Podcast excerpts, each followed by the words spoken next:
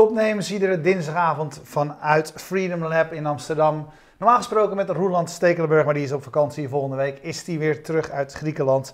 Uh, ik spreek vandaag met Nick Wilderink. Nick, je bent van Nectar. Yes. Wat doen jullie? We bouwen 3D-printers, in het kort. Dat is mooi. Ja. Maar er zijn er meer van. Ja, zeker. Wat doen jullie speciaal? Um, nou, eigenlijk is het zo dat uh, onder de 20.000 euro is het heel lastig om een 3D-printer te vinden die uh, gemakkelijk is in het gebruik en, uh, en die betrouwbaar is en bedrijfszeker. En dat is voor, voor consumenten en voor, voor hobbyisten die het leuk vinden om met een schroevendraaier in de hand te staan geen probleem. Die, vinden dat, die zien dat als een kans om, om mee aan de slag te gaan. Maar voor bedrijven is het natuurlijk een gigantisch uh, probleem, want die, uh, daar is, is, tijd gewoon geld. En uh, die hebben een printer nodig die, die werkt als een koelkast, zeg maar. Een stekker erin en, en printen. En wij proberen eigenlijk de, de, de aandacht weg te halen bij, de, bij het gereedschap en terug te brengen naar, naar waar het echt om gaat. En dat is gewoon dingen maken. Ja, en um, waarom ben je dit gaan doen en vanuit welke achtergrond? Je bent het gaan doen omdat je het gevoel had natuurlijk, die dingen zijn te duur, dus er moet iets betaalbaarders komen. Uh, maar, maar, wat heb je hiervoor gedaan? Nou, allereerst, we, wij, zijn nooit geredeneerd, uh, we hebben nooit geredeneerd uit die dingen zijn te duur en ze moeten betaalbaar worden. We hebben geredeneerd vanuit, uh, wij wouden zelf, ik en de jongen met wie ik het bedrijf begonnen ben, wouden een 3D-printer. in 2014 ben ik hem tegengekomen. Ik had toen een winkel in de binnenstad van Arnhem. Daar verkochten we, zoals ik dat noemde, customizable lifestyle goods. Waren um, modeproducten en, en, en, fietsen, die kon je zelf samenstellen in de winkel. En dan ging je eigenlijk de winkel uit met, de, met het gevoel dat je een, uh, een product zelf had samengesteld. Maar achter de schermen kon je al die sub-onderdelen gewoon stokken, zeg maar. Dus dat was een heel leuk uh, concept. Daar ben ik uh, Stijn tegengekomen. En Stijn had een achtergrond als productontwerper. die had IPO gestudeerd op de Han. En um, we kwamen eigenlijk op het idee van uh, uh, als we nou samen een, printer kopen of, of bouwen of ontwikkelen, dan kunnen we uh, ideeën uitvoeren. Stijn doet het ontwerp, we maken er prototypes van en we hebben in mijn winkel eigenlijk een platform, zowel online als offline, om te valideren of dat, dat product aanslaat. Toen dachten we, nou daar is een, een 3D-printer een hele mooie tool voor. Dus voordat je de massaproductie ingaat met een product, uh, gewoon prototypes gaan maken ja. uh, en, uh, en, gaan. En, um, maar we konden eigenlijk geen printer vinden, A, in ons budget, die B, bedrijfszeker was en die gemakkelijk in het gebruik was. Dus zijn we eigenlijk vrij snel begonnen om, om er zelf een te ontwikkelen. Um, dat heeft goed twee maanden geduurd, dus toen zat hij in elkaar. Een volledig zelf ontwikkelde... Ja, ja, echt, echt even door, doorbijten. Maar die zat eenmaal in elkaar en toen, toen kwamen we er eigenlijk achter dat het... Um, uh, de ene dag werkte die en dan blaas je er tegenaan en dan werkt hij niet meer. Um, en dan zou je zeggen dat komt omdat wij hem ontwikkeld hebben, maar dat was gewoon zeg maar, de staat van de technologie op dat moment. Um, en toen gingen we dat verder onderzoeken. Toen kwamen we er eigenlijk achter dat er voor bedrijven niet echt een alternatief is voor onder de 30.000 euro uh, op dat moment. Dus wij zagen daar een hele mooie kans om daar precies tussenin te gaan zitten met een uh, concept wat we vandaag de dag Nectar One noemen. En uh, dat is een, uh, een Delta FDM printer met een chic woord. Uh, die extreem gemakkelijk is in het gebruik en, en heel erg bedrijfszeker. Maar um, hoe groot is het risico voor jullie dat die andere partijen die hem nu voor 30.000 verkopen, niet ook simpelweg, hè, ze konden tot nu toe konden ze hem voor dat bedrag uh, ja. aanbieden. Uh, ja. Als je moet gaan concurreren op prijs is dat een gevaarlijk ding. Hè? Een, ja. ander, een ander kan daar ook, kan, kan daar ook in mee. Ja. ja, we concurreren in die zin ook niet op prijs, want uh, wij zitten niet in hetzelfde segment als de partij die die, die, die printers die ik net noemde aanbiedt. Wij zitten eigenlijk in het lage segment kun je zeggen, dus we zitten in het desktop segment. En daar zitten we eigenlijk aan de bovenkant van de markt. Dus we, zitten, we zijn nooit bezig met uh, concurreren op prijs. We zijn aan het concurreren op, uh, op uh, zoals ik zei, gebruiksvriendelijkheid en betrouwbaarheid. Wat, ben je nou, wat heb je nou geleerd? Wat ben je tegengekomen van, van dit proces? Want jullie hadden hiervoor niet gedaan. Hè? Ik bedoel, het is niet zo dat je hiervoor bent begonnen met allerlei andere printers bouwen en dit is de volgende versie ervan. Dit is eigenlijk het eerste product ja. dat jullie in dit segment hebben gemaakt. Wat heb je hiervan geleerd?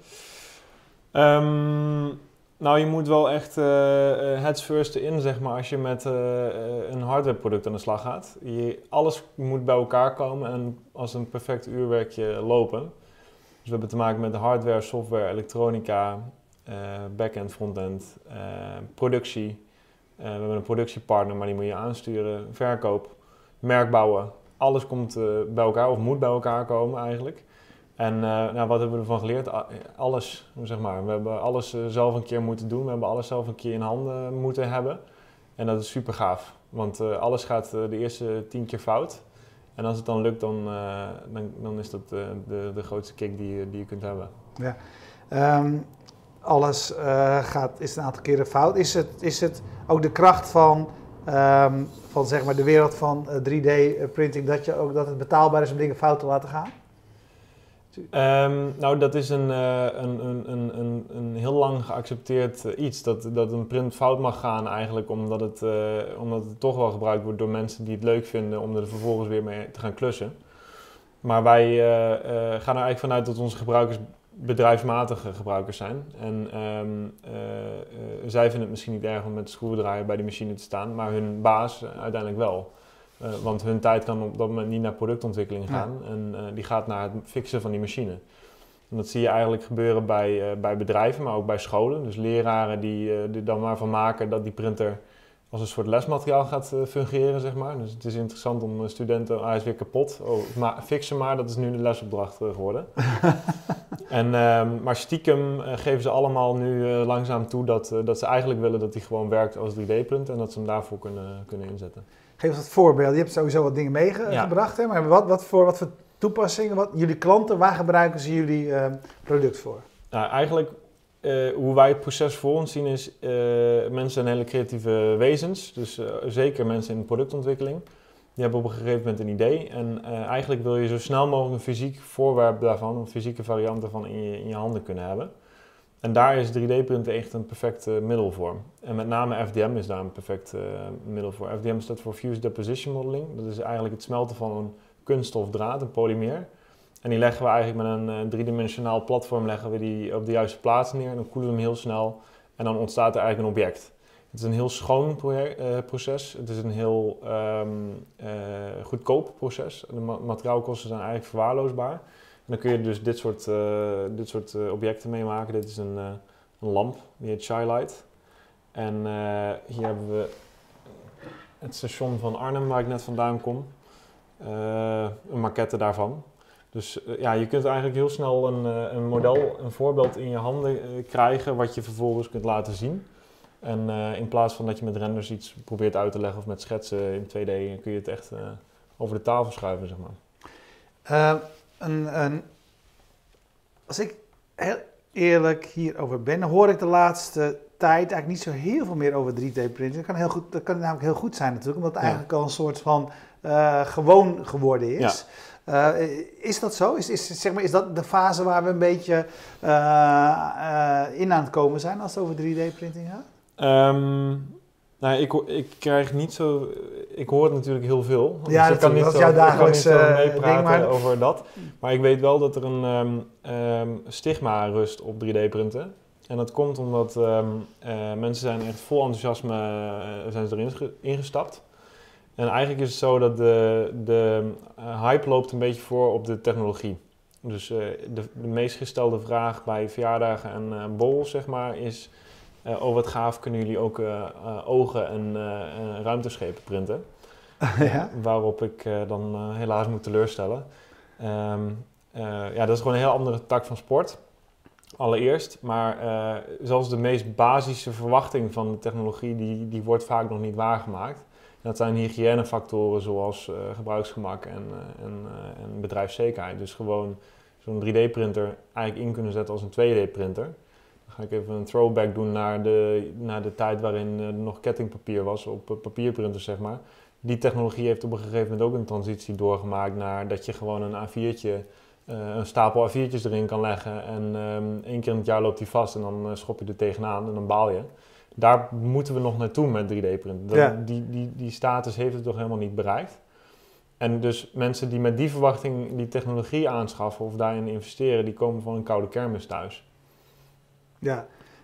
Um, dus, welke, dus nou, jullie proberen een van die stappen te zetten. Betrouwbaar, Betrouwbaarheid en hassle-free uh, eh, 3D-printing ja. was het volgens mij wat op jullie uh, website, uh, website staat. Ja. Ehm, we hebben hier de afgelopen jaren allerlei partijen aan tafel gehad. Vaak platforms, hè? partijen die zeggen van, weet je, wij, of, of we laten het op verschillende, op verschillende plekken in de wereld kun je iets laten maken. Of wij zijn de plek waar de, waar de ontwerper kan, kan indienen, zoals op een andere plek. Ja. Ehm, ehm, maar jullie, hebben echt, jullie zijn echt, jullie willen de hardware leveren. En de software. En de software. En wat maakt jullie software bijzonder? Um, nou, de software, wat de software bijzonder maakt, is dat die samen ontwikkeld is met de hardware. Um, dus um, uh, er zijn veel fabrikanten die uh, of het een of het ander doen. Dus of een platform bouwen, of een dienst, of, een, of software voor het aansturen van 3D-printers. maar wij zeggen eigenlijk, het eindresultaat moet zijn een iteratief, snelwerkend proces. Dus je wil eigenlijk zorgen dat die productontwikkelaar heel dicht bij de machine komt, heel dicht bij zijn gereedschap komt. Je wil dat een, een, een timmerman zijn hamer vast kan houden, zeg maar. Want productontwikkeling is een heel iteratief proces. Je moet heel snel slagen kunnen maken. En idealiter doe je dat met een machine die altijd werkt. Um, en dat was ons uitgangspunt, zeg maar, toen we Nectar One ontwikkelden. En ja, er is eigenlijk naar ons idee geen andere manier om daar te komen dan echt alles zelf doen. Dus een beetje de Hasselblad approach. Grappig, wij hadden die pas van Mo fietsen. Ja. die hebben eigenlijk hetzelfde soort ja. insteek. Schitterend bedrijf. Ja, schitterend bedrijf, ja. weet je wel. De, de, nou, ja, maar, maar met diezelfde insteek. Nou, Wij willen eigenlijk het hele proces willen we, bewaken. Ja, bij ons hebben we helaas niet, kunnen we helaas niet meeliften op het voorbeeld dat 3D-printers vaak gejat worden en dat we dan met een 3D-print-team ja, erachter, erachteraan. Dat is echt jammer, eigenlijk. Ja, Verkeerde branche. Ja. Maar anders dan dat uh, is dit ook een platform uh, waar mensen op instappen, zeg maar, versus gewoon een enkel Schots product. Ja. Dus wat we eigenlijk doen op het moment dat een, een klant een 3D-printer koopt, is we gaan een relatie aan met die klant. Uh, dus ook gelijk het bruggetje naar zeg maar, hoe wij Truly Hassle-Free 3D printing uh, proberen te bereiken. Allereerst, Truly Hassle-Free 3D printing is, een, is, onze, is onze stip op de horizon, zeg maar. Dat is wat iedereen eigenlijk wil. Iedereen wil dat die hygiënefactoren erin zitten. Iedereen wil gewoon een idee hebben, naar die machine lopen, iets modelleren, het er naartoe sturen en dat het eruit komt en dat je het in je handen kunt houden. Maar om daar te komen, zeg maar, voor een uh, normaal bedrag of een te overzien bedrag, uh, is nog een stap nodig in de, in de technologie. Um, en daar kun je verschillende, op verschillende manieren kun je daar naar, naar kijken. En elke fabrikant doet dat anders en dat is heel leuk. Um, onze approach is eigenlijk, um, wij gaan een relatie aan met al onze klanten. Die klanten die gaan uh, een stukje veilig domein uh, doen. Dus het, het veilige type gebruik van de printer inzetten. Dus de materialen die wij aanleveren, et cetera. Dus een heel veilige uh, omgeving. En er zijn klanten die gaan de grenzen van de technologie opzoeken. En die gaan printjes en opdrachten tegenkomen die niet lukken. Nou, vervolgens kunnen die klanten ervoor kiezen. Dat is geen verplichting, maar dat kunnen ze doen. Om hun ervaringen en hun, uh, en hun fouten en hun klachten uh, met ons te delen. En die gebruiken, gebruiken wij weer in onze R&D-activiteiten om te zorgen om onze ontwikkelingen te sturen, zeg maar. En waar, het anders, eh, waar we dan het verschil maken is op het moment dat er een ontwikkeling is, dan is het inherent zo dat bij de meeste technologische producten uh, alle bestaande uh, gebruikers, dus de generatie 0 zeg maar, die loopt in één keer achter. Want die heeft een ontwikkeling, uh, die heeft wel bijgedragen aan een ontwikkeling in dit geval, maar die heeft een product wat obsolet is geworden. En om dat te voorkomen, om, om de mensen die de ontwikkeling mogelijk maken en voeden, uh, te belonen hebben we het hele systeem modulair gemaakt. Dus de printer bestaat uit acht modules, uh, blokjes. En op het moment dat er een ontwikkeling plaatsvindt op hardwaregebied, kunnen we eigenlijk inzoomen op een van die blokjes en zeggen hier gaan we iets aan aanpassen. En dat ene blokje kunnen we vervolgens als upgrade ah, gaan, gaan uitrollen. Ja. Dus niet alleen op software niveau kunnen we op die manier zorgen dat mensen uh, up-to-date blijven, maar ook op hardware niveau blijft, blijven ze zeg maar bij. Maar zo heb je eigenlijk Tenminste, zo, zo interpreteer ik het. Zo heb je eigenlijk op het gebied van, van uh, de hardware op een bepaalde manier ook weer geleerd van de ontwikkelingen van de afgelopen uh, jaren, zeg maar, in, de so in de software. Ja. hoe kun je ervoor zorgen dat een product kan blijven doorontwikkelen. Ja. Waar we vroeger gewend waren, je koopt het één keer en, en, het kan nooit meer beter worden. Ja, ja, ja. ja wij, bij ons kwam het er eigenlijk uit voor dat we merkten van... Elke keer als wij machines aan het uitrollen zijn, dan hebben we eigenlijk stiekem al iets ontdekt wat weer beter is. En dat is frustrerend, waardoor daardoor word je in een positie gedwongen dat je gaat kiezen welke, dat je een onderscheid gaat maken welke generatie je. Is een van jullie modellen dan ook? Want uh, ik zie Bert de Boer zegt, uh, uh, wat is je doelgroep met een printer van 5900 euro? Is een model dan ook dat, je, dat je bij jullie een subscription model kan uh, kan nemen. Ik koop hem nu voor bedrag uh, X en de komende zoveel jaar krijg ik elke keer de, laatste module, de laatste nieuwe module erbij? Of zit dat al in, het, in de aanschaf? Wel een heel, heel leuk idee waar we ook mee spelen. Dat het echt richting circular economy gaat. Dat, het, dat is wel een jongensdroom uh, erachter. Maar um, op dit moment is het zo dat we de printer aanbieden voor inderdaad 6000 euro of via lease. en bij lease zit support dan ehm, optioneel bij in. Maar we hebben geen support of subscription uh, waar je betaalt voor, uh, voor de print of waar je be betaalt uh, en, en alle upgrades komen er gewoon bij. Want wij weten nog niet wat de toekomst gaat brengen qua upgrades. Nee.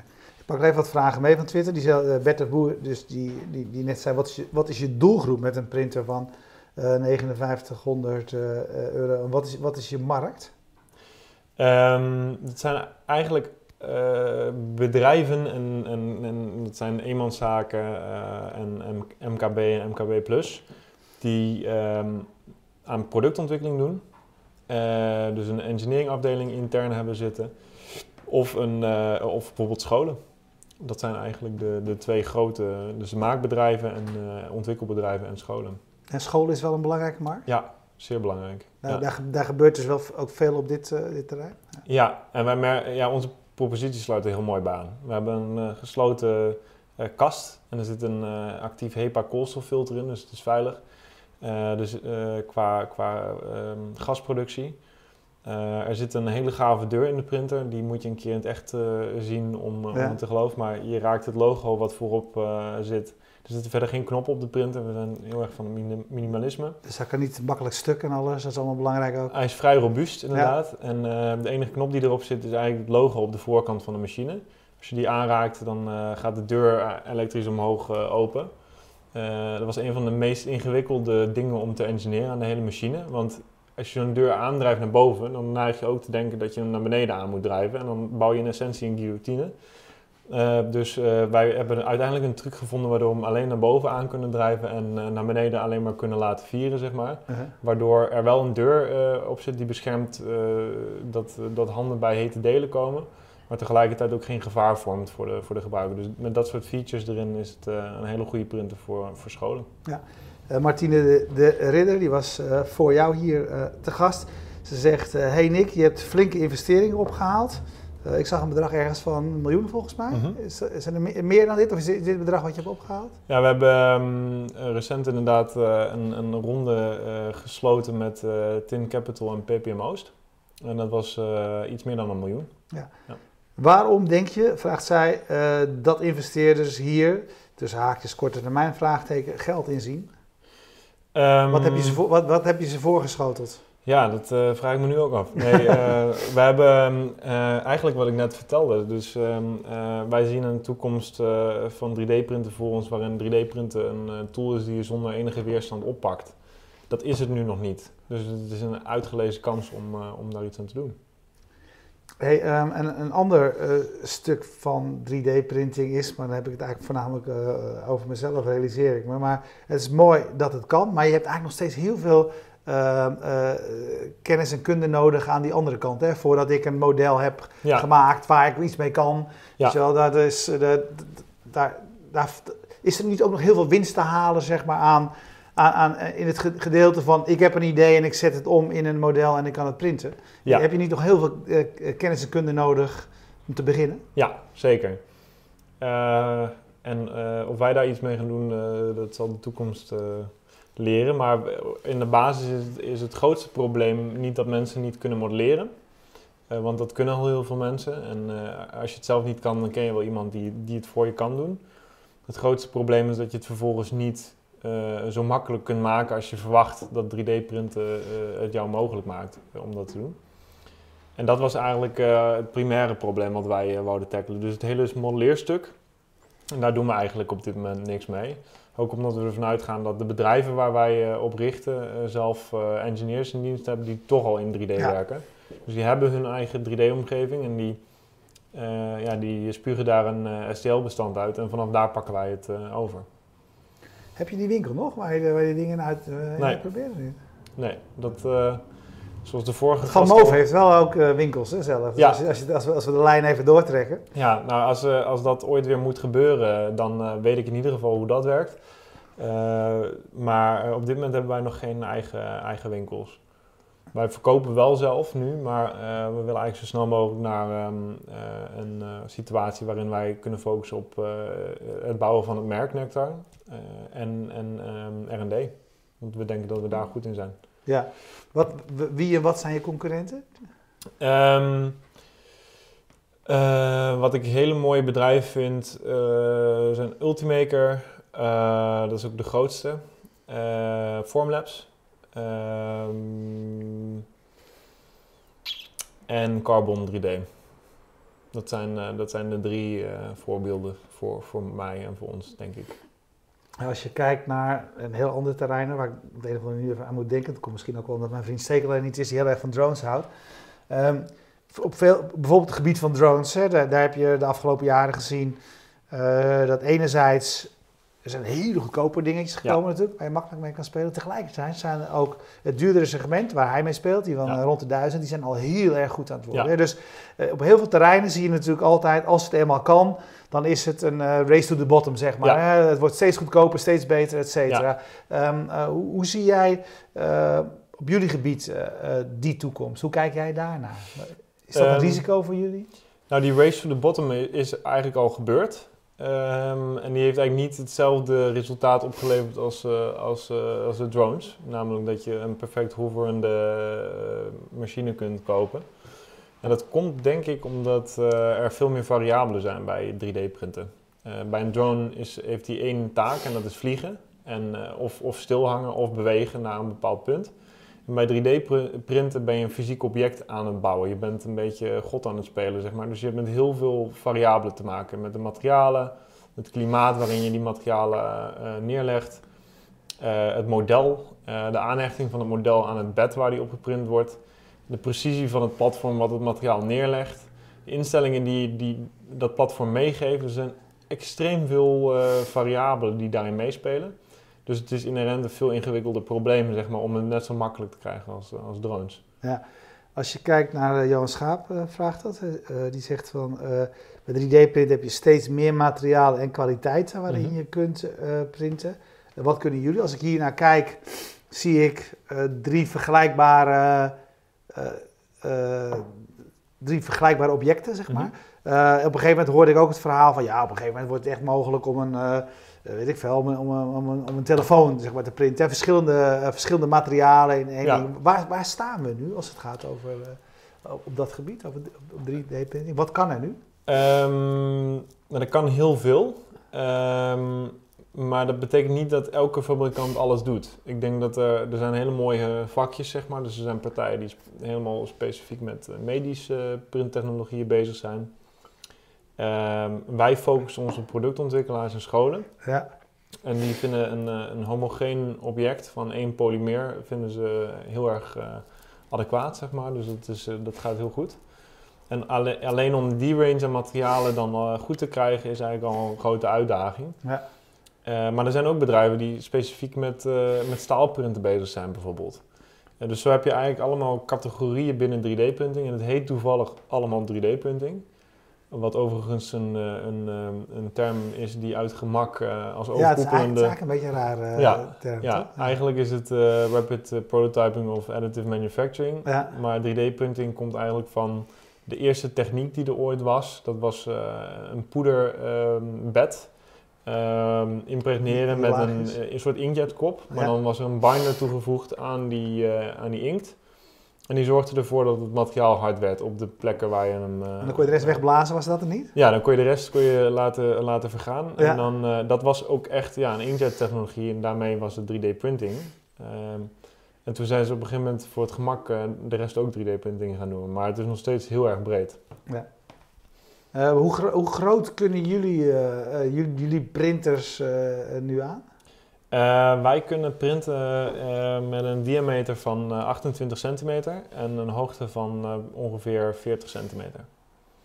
Dat is toch best indrukwekkende, indrukwekkende dingen. Ja. Uh, Bert de Boer vraagt uh, op termijn ook uh, de medische sector. Je, je, gaf net eigenlijk al een beetje aan. Hè? Ik denk dat die vragen en jouw antwoord door elkaar heen lopen. Wat, ja. is, is dat voor jullie ook een, een, terrein? Of zeg je van, daar zijn anderen die daar specialist op zijn of zich um, focussen? Nou, de, de toepassing medisch heeft weer een hele hoop verschillende losse use cases. Wij werden laatst gevraagd of we... Um, althans, er loopt nu een onderzoek om te kijken of we met onze machine um, anatomische modellen kunnen maken voor chirurgen die de volgende dag een operatie moeten doen. En dat vind ik zelf een hele leuke case, omdat wij pretenderen betrouwbaar te zijn. Uh, dus natuurlijk de ultieme test. Ja. als jij een operatie in het vooruitzicht hebt, dan wil je natuurlijk dat jouw printer uh, goed werkt. Dus daar kijk ik heel erg naar uit om, om, om dat te proberen. En tot zover zijn wij eigenlijk met het medische bezig. Maar echt het, het printen van dingen die het lichaam ingaan, dat doen wij niet. Nee.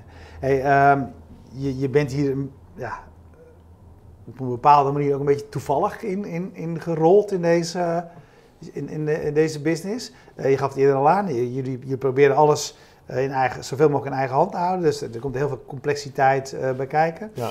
Zijn er momenten geweest dat je dacht, uh, waar, ben ik van, waar ben ik aan begonnen, dat had ik niet moeten doen? Nee, nooit. Nee, nog en, geen seconde. En kwam dat ook omdat jullie eigenlijk al zo snel een werkende eerste versie hadden? Nee, nee we hebben genoeg tegenslagen gehad om, uh, om te stoppen. Om, uh, om te stoppen ja. zeg maar. Ja, waarom ben je toch doorgegaan? Um, het stoppen stond gewoon niet op het menu. Ik weet het niet. was geen optie? Dat was geen optie. Nee. nee. We, hebben, we hebben altijd... Uh, ik weet niet wat het is. Er is gewoon altijd een, een, een soort, heeft er een soort uitdaging gezeten in het, in het toch weer vinden van een oplossing op alle vlakken. Jullie hebben nu dus die investeerders, twee partijen die, ja. die jullie investeren. Het eerste gedeelte hebben jullie helemaal op je eigen, op, op, je, op je eigen spaargeld gedaan, zeg maar? Ja, dus ik had een uh, potje waar ik zelf van kon leven vanuit mijn onderneming hiervoor. we hebben allebei een, een bedrag geïnvesteerd. En we hebben de eerste twee jaar eigenlijk niemand salaris uitbetaald. Um, maar we moesten toch een constructie vinden om mensen aan te gaan trekken. Want zelf hadden wij niet alle kennis om een 3D-printer uh, als deze te bouwen. Dus toen zijn we eigenlijk uh, hebben we een stichting administratiekantoor opgericht. Um, uh, daar hebben we een stuk van de aandelen in gedaan. Um, en toen hebben we via een beloningsconstructie hebben we mensen die parttime bij ons kwamen werken, engineers, hebben we op die manier beloond. Um, dat is geen ideale constructie, kan ik voor alle ondernemende kijkers gelijk verklappen. Want je kunt niet eisen van iemand dat hij vijf dagen in de week bij je is. Dus je hebt, een heel, uh, je hebt heel veel overdrachtsmomenten. Je hebt mensen die één dag komen. Je hebt de mensen die de ene week op maandag komen, de volgende week op vrijdag. Dus we, we zagen al vrij snel in dat dat niet echt een houdbare constructie was. Uh, maar het heeft ons wel in staat gesteld om um, nou, de eerste anderhalf, twee jaar te overleven en de eerste zes prototypes te bouwen. Dus hoeveel zijn jullie nu? We zijn nu met 15. En in die periode die ik net noemde waren we op, op, de, op het hoogtepunt met 30. En die, uh, die, die stichting administratie uh, kantoor, ja. uh, dat een belachelijk bedrag is dat eigenlijk, een belachelijke naam is dat, ja. is dat eigenlijk hè? dat, dat is eigenlijk, corrigeer me als ik ernaast zit, maar dat is een constructie waardoor je ervoor kan zorgen dat er een, een groep mensen wel zeg maar aandelen in je onderneming hebt. Ja.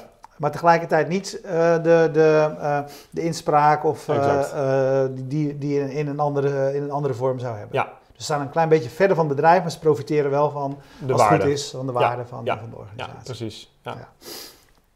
En dus dat is waar, waar, jullie personeel, dat is nog steeds, als er nieuw, nieuw bij jullie binnenkomt, profiteert hij daar nog steeds van mee of heb je nu, ben je nu een, een fase verder? We hebben nu, dat was dus een stak en nu zijn we overgegaan naar SAR. Uh, en dat, waar staat dat voor? Uh, shared Appreciation Rights, geloof okay. ik. Ja. Dat is hetzelfde trucje, maar dan een, een net uh, iets frissere, modernere versie ervan. En dat doen we nu eigenlijk als incentivizer voor, voor personeel. Maar dat doen we naast de normale salarissen, zeg maar. Ja. Uh, in, in, jullie sector, hoe moeilijk is het? Om, uh, hoe, hoe, hoe, zeg maar, hoe, hoe schaars is het, uh, is het goede personeel? Is het belangrijk dat je dit erbij hebt? Um, ik zou niet zeggen dat dat de drijver is. Ik denk dat technische mensen gedreven worden door inspirerende werkplekken en, en goede uitdagingen. Ehm, het werk moet gewoon gaaf zijn. Maar Ja. waar, waar wij eh, een uitdaging hebben is dat we in Arnhem zitten. We zijn er nog steeds niet helemaal uit of dat een, eh, een zegen of een last is. Maar ehm, het is wel lastig om, eh, om mensen te vinden, ja. Om goede technische... Maar is dat, is dat, in het kleine Nederland is, is afstand, afstanden van niks, zou je kunnen zeggen. Ja. Zullen buitenlanders, eh, eh, eh, zullen mensen uit Engeland of Amerika zeggen, of- Duitsland. Ja. Maar, maar in Nederland, jij ervaart dat wel als een, eh, als een, onder- als een, als een issue. Mhm. Ja, ehm, En waar hebben jullie goede mensen zitten? Die komen die, waar komen die vandaan? Uit Delft? Waar komen die vandaan? Nou, we, hebben eigenlijk, we hebben eigenlijk niemand die, die, die langer dan een half uur in de auto moet zitten. Dus dat is eigenlijk wel gek. En mensen gaan ook echt wel eh, dwars eh, op tafel liggen als, ze- als ze langer dan dat moeten rijden, zeg maar. Maar het kan, net wat je eigenlijk net zei, het kan een voordeel zijn. Want ik herinner me Triple IT, dat is een eh, bedrijf dat ik- wat in Alkmaar zit. Er is ook een groep mensen uit die regio Ja. die om die reden juist het prettig vindt. Weet je? Die willen Ja. niet in Amsterdam gaan werken. Ja, precies. Nou, ik ben er nog steeds niet uit, want in Amsterdam of in Delft of in eh, Twente heb je meer concurrenten, kun je, kun je zeggen. Je hebt meer andere bedrijven die ook gave dingen doen. In Arnhem zijn we een van de, nou ja, een van de select few eh, Ja. technische bedrijven, zeg maar. Dus in die zin zou het heel makkelijk moeten zijn om, eh, om, om de keuze te maken als je dan nog in Arnhem woont. Maar in Amsterdam en bij de TU's zijn gewoon veel meer mensen. En ik, weet, ik heb de exacte cijfers niet, dus ik weet niet waar je het beste kunt zitten. nee. Ik weet alleen dat de meeste technische bedrijven er uiteindelijk op uitkomen dat ze bij eh, TU's in de buurt moeten gaan zitten. Dus daar zal ook wel een les, eh, les uit te trekken. Ja, dus het sluit je niet uit dat jullie die stap ook ooit nog eh, Zeker niet. moeten gaan zetten. Nee. Nog even een, laatste vraag eerder van Martine de Ridder. Relaties aangaan met je klanten, zei jij. Dat is, dat is wat wij doen. Mensen kopen dat dingen. We willen ook leren van hun ervaringen en met elkaar alles beter maken. Dat klinkt goed voor nu. Maar hoe zie je dat in de toekomst? Eh, eh, is dat een schaalbaar model? Ehm, dat is een hele goede vraag, want eh, dat is het uiteindelijk niet als we het hetzelfde blijven doen als nu. Op dit moment is het zo dat een klant ons belt of wij bellen een klant en we vragen hoe het gaat. En dat is een wekelijks of tweewekelijks iets. Ehm, eh, maar op een gegeven moment eh, wordt en die klant daar moe van en, eh, en jij hebt er de capaciteit niet meer voor. Ja. Dus waar we eigenlijk in de toekomst, dat is echt een jongensdroom wederom, we niet bang zijn om te dromen, willen we dat eigenlijk gaan automatiseren. Dus we willen eigenlijk dat ehm, mensen die input gaan leveren zonder dat ze daar zelf tijd aan kwijt zijn, zeg maar. Dus we willen, nou ja, ik zal er niet te diep op ingaan, want dan leg ik ons hele toekomstplan op tafel. Maar we willen eigenlijk zorgen dat het een heel laagdrempelig proces wordt waar geen telefoon aan te pas komt. Nou, dan, moet je, dan maak je me toch nieuwsgierig. Dan moet je toch even een klein beetje meer vertellen. Ehm,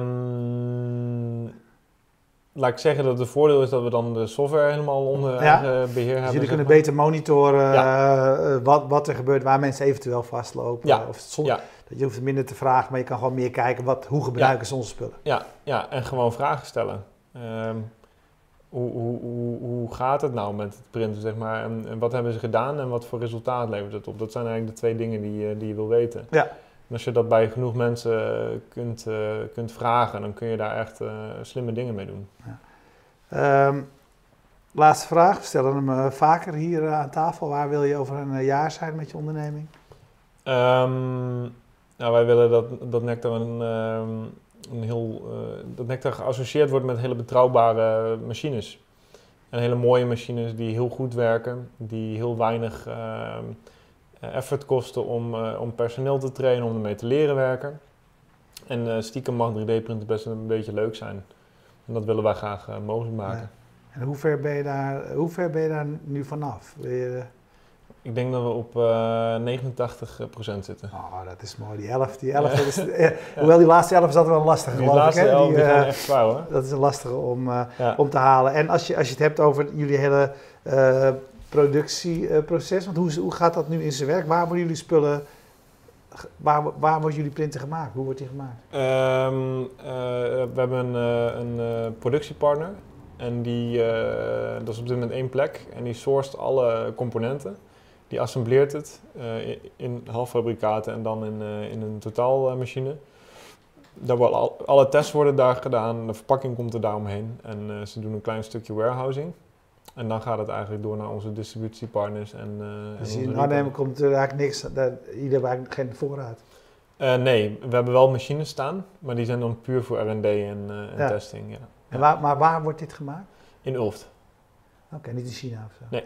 Nee, in Nederland. Ja. Ja. En, heb, en heb je daar nog, eh, eh, daar heb je een reden voor? Heb je, je hebt internationaal ook gekeken, neem ik, neem ik aan. Kan Ja. het ergens goedkoper? Of, Ja. eh, waarom vinden jullie het belangrijk om het hier te doen? Ehm, nou, ik denk niet dat het loont bij een machine als deze en bij een, sowieso de ontwikkelingen die er in Nederland zijn op productiegebied, zeg maar, op dit moment. Ik denk niet dat het loont om, om in zo'n vroeg stadium al naar, naar eh, Oost-Europa of naar China te gaan. Dus wij, eh, het is zo ongelooflijk belangrijk dat je heel goed kunt communiceren met de mensen met Ja. wie je werkt. En nu kan je ook in, de, in die auto van je stappen, zeg maar, om Ja. even daar naartoe te rijden. Ja, en zelfs bellen doen we dan al liever niet. Dat, dat, doen, dat doe je uiteindelijk wel, maar het is gewoon essentieel bij productie. Dan gaat het heel vaak fout, dat je heel dicht op je, op je partner zit. Super, dankjewel. Mooi verhaal. En met name ook dat stuk van die, eh, vervangbare onderdelen vind ik een, eh, vind ik een hele mooie, aansprekende. Ik vind het zo mooi dat heel veel van die elementen uit software en hardware tegenwoordig bij elkaar komen. hè. Die, Ja. die, de, de, processen, de procedures, et cetera, zijn heel erg vergelijkbaar geworden. Ja, het vroeger ondenkbaar was. Ja. Mooi, dankjewel. graag gedaan. Jullie bedankt voor het kijken en we bedanken natuurlijk zoals altijd Streamzilla uit Groningen, het bedrijf eh, dat gespecialiseerd is in eh, live streaming. Ehm, even kijken, we hebben nog meer. PQR zorgt ervoor dat Fast Moving Targets, de website, altijd up and running is. Bier Co. Ja, je hebt het van tevoren gezegd. Je mocht het ook zeggen als die niet lekker was. Jij hebt eh, de doggy style, ik heb die ook. Eh, hoe beviel die? Hij is goed gelukt. Is die goed gelukt? Ja, ik heb die voor een Oké, die houden we erin. Hij ziet er ook mooi uit. Vind ik ook toch Ja. wel een eh, belangrijk, belangrijk ding van deze biertjes. En tot slot Freedom Lab. We zenden uit vanuit Amsterdam, vanuit het pand van Freedom Lab. Volgende week is mijn vriend Roland Stekelenburg weer van de partij. Doen we het weer samen. Hopelijk tot dan.